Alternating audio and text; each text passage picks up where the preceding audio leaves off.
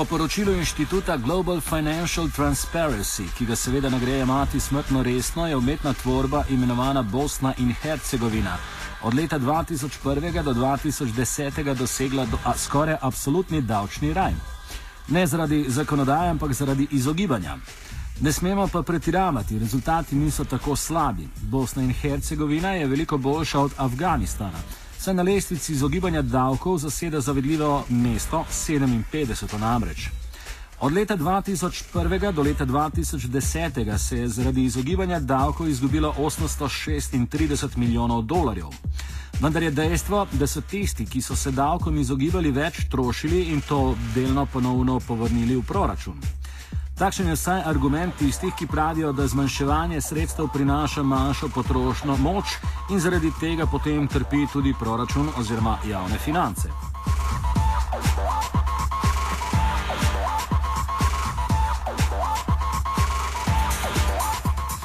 O situaciji v Bosni in Hercegovini smo glede davčnih utaj govorili z direktorjem Centra za humano politiko Mimidorjem Dejanovičem. V nadaljevanju pa s publicistom in dru, družabnim analitikom Ahmedom Buričem iz Bosne in Hercegovine.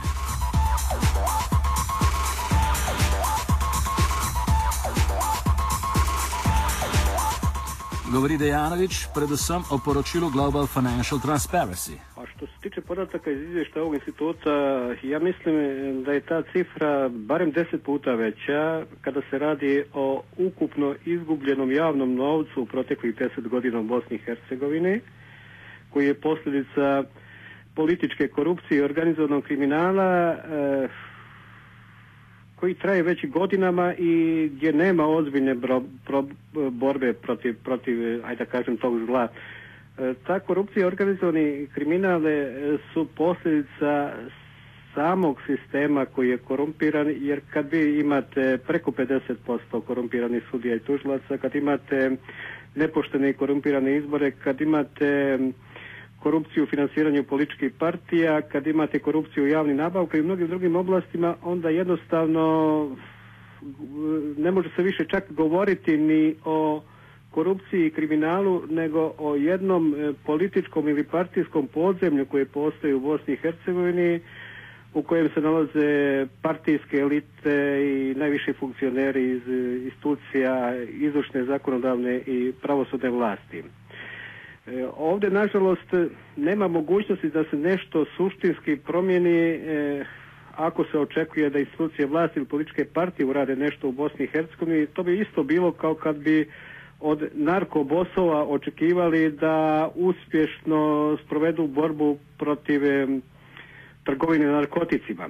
U Bosni i Hercegovini treba, treba jedna suštinska rekonstrukcija sistema sve treba promijeniti uz konsultovanje javnosti, uz uključivanje javnosti. Nažalost, ako se to ne uradi e, i ako međunarodna zajednica ne bude dobro, dobro namjernija prema građanima Bosni i Hercegovine, prema samoj Bosni i Hercegovini u smislu da pomogne građanima da promijene taj sistem, ja ne očekujem da će se nešto brzo promijeniti.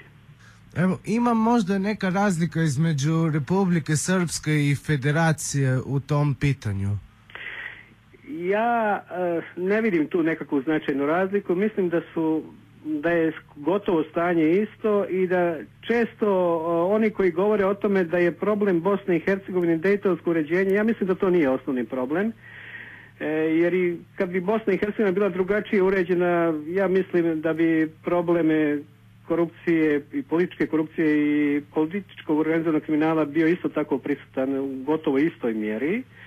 Ovaj, to nema mnogo veze. To govori primjer Srbije ili Crne Gore koja nema ovu vrstu problema, Albanije koja nema ovu vrstu problema, koja ima Bosna i Hercegovina u smislu e, tog entitetskog i tronacionalnog uređenja. Mislim da to nije ključni problem u Bosni i Hercegovini. Ključni problem je u Bosni i Hercegovini je vratiti vlast građanima, uspostaviti jedan sistem koji bi bio odgovoran građanima i mm, zatražiti od međunarodne zajednice da više pomogne Bosni i Hercegovini i građanima. Čini mi se da je međunarodna zajednica u proteklom periodu više bila na strani korumpirane i neodgovorne partijske elite u Bosni i Hercegovini.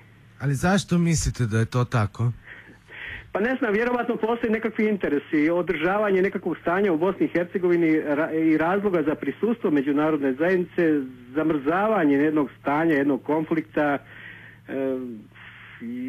jer ja se sjećam i nekog perioda od prije rata, ako govorimo o jednom partijskom sistemu, radili smo neko istraživanje koje pokazuje da je manje korupcije i kriminala bilo u jednom partijskom ili kako ga neki zovu nedemokratskom sistemu nego u ovoj demokratiji istina ranoj fazi demokratije u kojoj se nalazi Bosna i Hercegovina.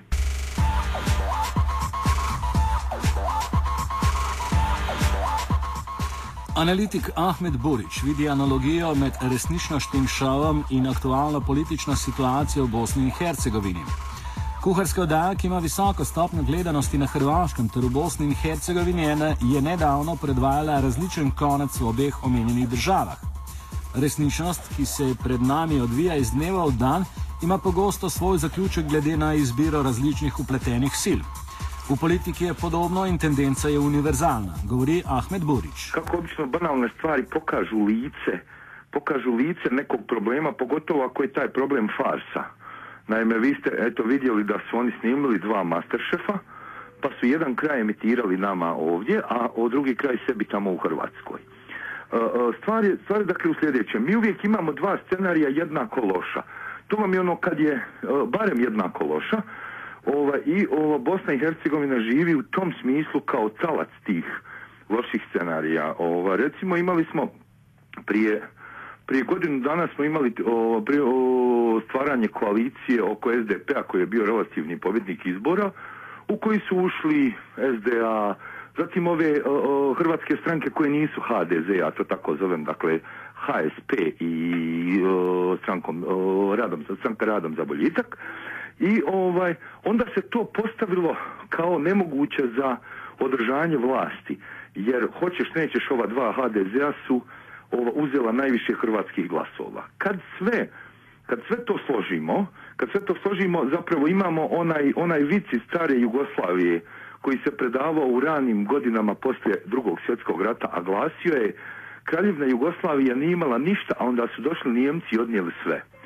Ova, e tako vam je nekako iz Bosnom i Hercegovinom. Nacionalne stranke su ispraznule kase, a onda su poslije došli ovi u Republici Srpskoj SNSD, a ovdje SDP ispraznuli ono malo što je ostalo. Dakle, nakon 20 godina vladavine ovih prvih, vi ste imali jednu potpuno okoštalu strukturu administrativnu koja je onako funkcionirala isključivo naciokratski. E, to je SDP malo pokušao promijeniti, međutim, kad su vidjeli zapravo dubinu toga poraza i ovo, ove brojke o kojima ste vi govorili, onda su praktično se onako pustile ovo shvativši da, da, da ne mogu napraviti previše. Tako da mi sada živimo u jednom, u jednom limbu u kojem je prije godinu dana ova, naš današnji ministar sigurnosti bio sasvim ozbiljno, ozbiljno optuživan i dovoden, do, dovođen u u kontekst, kako kažem, velikih trgovina drogom, ne znam ja, transakcijama, ovo ono, e, on je u međuvremenu postao ministar sigurnosti.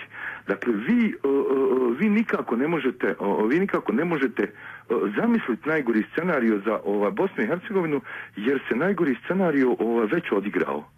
Dakle, to je ono kad zamišljate kraj svijeta, ono kaže, ide smak svijeta po svijetu i onda dođe u Bosnu i kaže, pa ovdje sam već bio. Tako da, ovaj, tako da kad vidite te stvari, potpuno vam je jasno. Potpuno, s druge strane, međunarodna zajednica ipak igra jednu dvostruku igru. One, to su sve nekakva načelna, to su sve nekakve vrlo načelni savjeti, kao ono, ne znam, mi ćemo se boriti protiv korupcije, vaši političari trebaju da se ozbilje, mi smo ovdje samo zbog kontrole demokracije. U osnovi, a u osnovi oni, kako kažem, rade, rade ono što rade naši političari samo za, za, za svoje novce, odnosno novce iz Brisela. Dakle, ti kad, e, e, kad, kad čovjek to sve sagleda nekako, jedino što mu preostaje nekakav unutrašnji egzil, odnosno ovako ovo ko ja, ovako pa onaj lajanje okolo koje baš eto pa onaj nego eto dobaci i do, i do, i do, i do vas, pošto ovaj, kod vas se neke, neke slične stvari u među, međuvremenu dogodile, a u osnovi stvari je rješiva. Treba zatvoriti deset ljudi koji su učestvovali u tome, ona i pokazati kao što je recimo Hrvatska zatvorila Sanadera. Dakle, stvar se jednom akcijom čak, čak ni prevelikog obima da riješiti, međutim nisam siguran da je to više ikome u interesu i da o, više iko o tome razmišlja. Vjerojatno nije u interesu zbog toga pošto su, su nekako sve tri e, ovaj, strane vlasti uključene u, u, to, u to priču. Ma da, to je u stvari kad se jedno dijeli na troje, pa onda ovih troje još hoće da dijele, pa onda znate već kako to bio, onda ovima vrlo malo ostaje, tako ob, običnim građanom. Tako da u osnovi, ona, u osnovi sve ono što se kaže, o, sve ono što se kaže u, u, ovaj, o, o Bosni bi, bit će, bit će, bit će uh, tačno, s tim da je naše, naše zaostajanje u odnosu na, na, na, na, na zemlje u regiji, a o ostalim zemljama ova, Evropske unije, da ne govorimo o sad već onako dramatično. Dakle, bli, bliže se završetak godine, kakva će biti sljedeća u sklopu reality showa politice? Pa sljedeća će opet biti, opet, će, opet ćemo imati dva masteršefa. Onaj, u, u, čini mi se da je glavni masteršef u Republike Srpskoj neprikosnoven. Ovaj, on se zove Milorad Dodik, tamo je korupcija centralizirana sve što ho, manje više, sve što hoćeš da završiš moraš završiti s njim.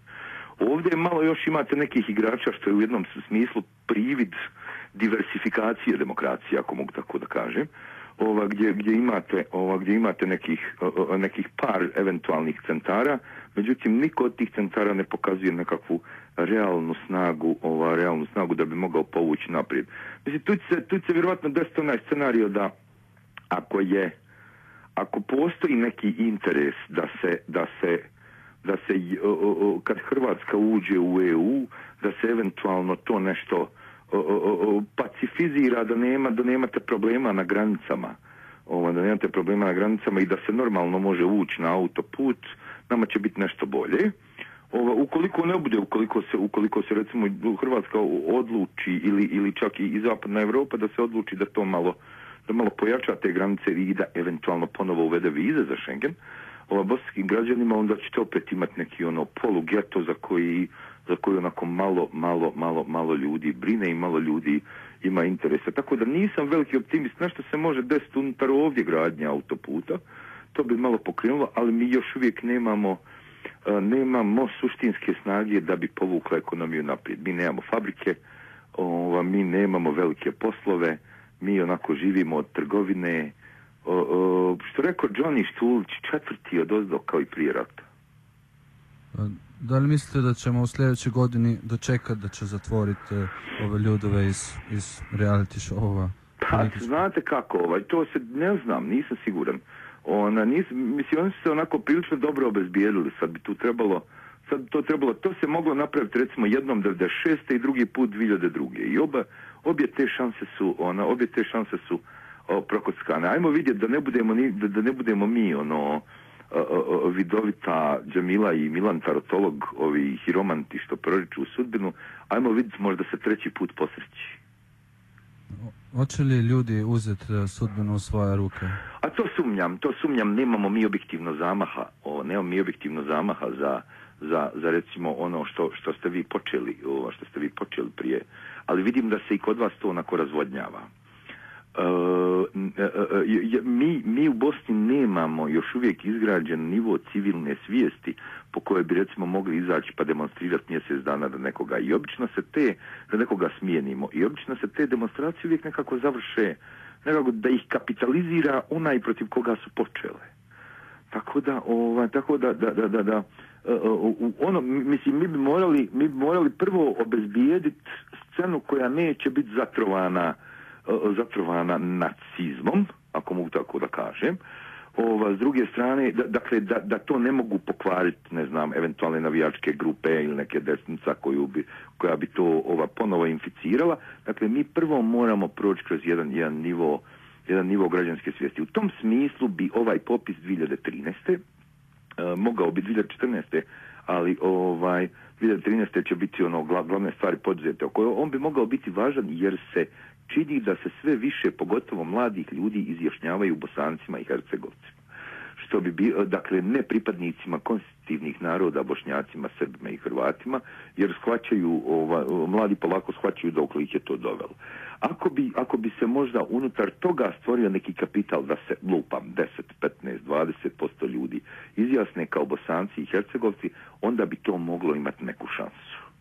Ona, e, e, jer je kod nas ustav takav trodioban, mi, mi bi onda morali, morala bi se onda možda promijeniti promijeniti matrica koja je ova matrica eto za koju smo za koju smo mi naivno još 90. vjerovali da ju je moguće uspostaviti, međutim što bi se reklo, realnost nas je dosta surovo pobila.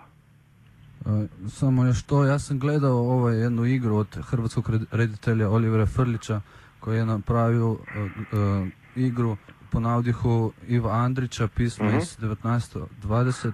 Da? u toj igri pozivao nekako ljude iz Bosne i Hercegovine da se nauču da počinju da mrze. Pošto se kao čini da su ljudi u Bosni i Hercegovini dobri, previše dobri to im nekako škodi. A mogu, mislim, kako kaže, ja mislim da se i taj mit o dobrom narodu malo istanjio.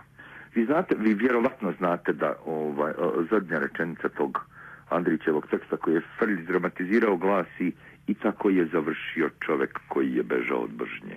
Dakle, e, e, nije se, o, ja mislim da ta slojevitost mraka, koja je, koja je sve vrijeme nekako pritiskala Bosnu, eskalirala u ratu, ona zapravo nikada nije prestala. Ona je samo dobila jednu drugu formu. E sad nije da, da, da ne bude sad da ja nešto da ja nešto, kako kažem, ovaj, što kaže Bernhard, ona ptica koja sere u svoje gnjezdo, ovaj, iako volim taj, ovaj, iako, iako volim tak, tak, takve nazive, u, u jednom smislu mi se čini da se, da je, ovaj, jeste, da, taj je narod bio dobar, ali dobar i glup u ovakvom vremenu su o, o, o, prilično isto.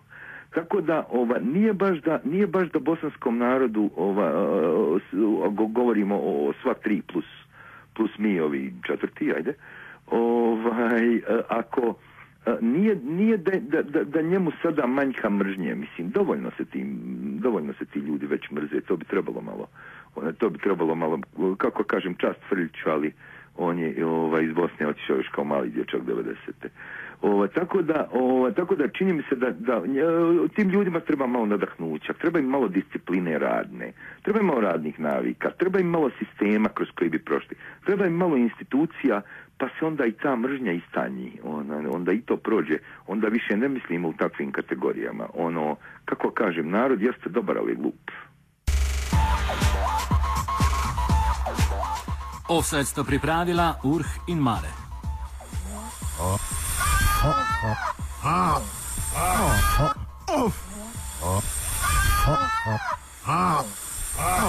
Offside.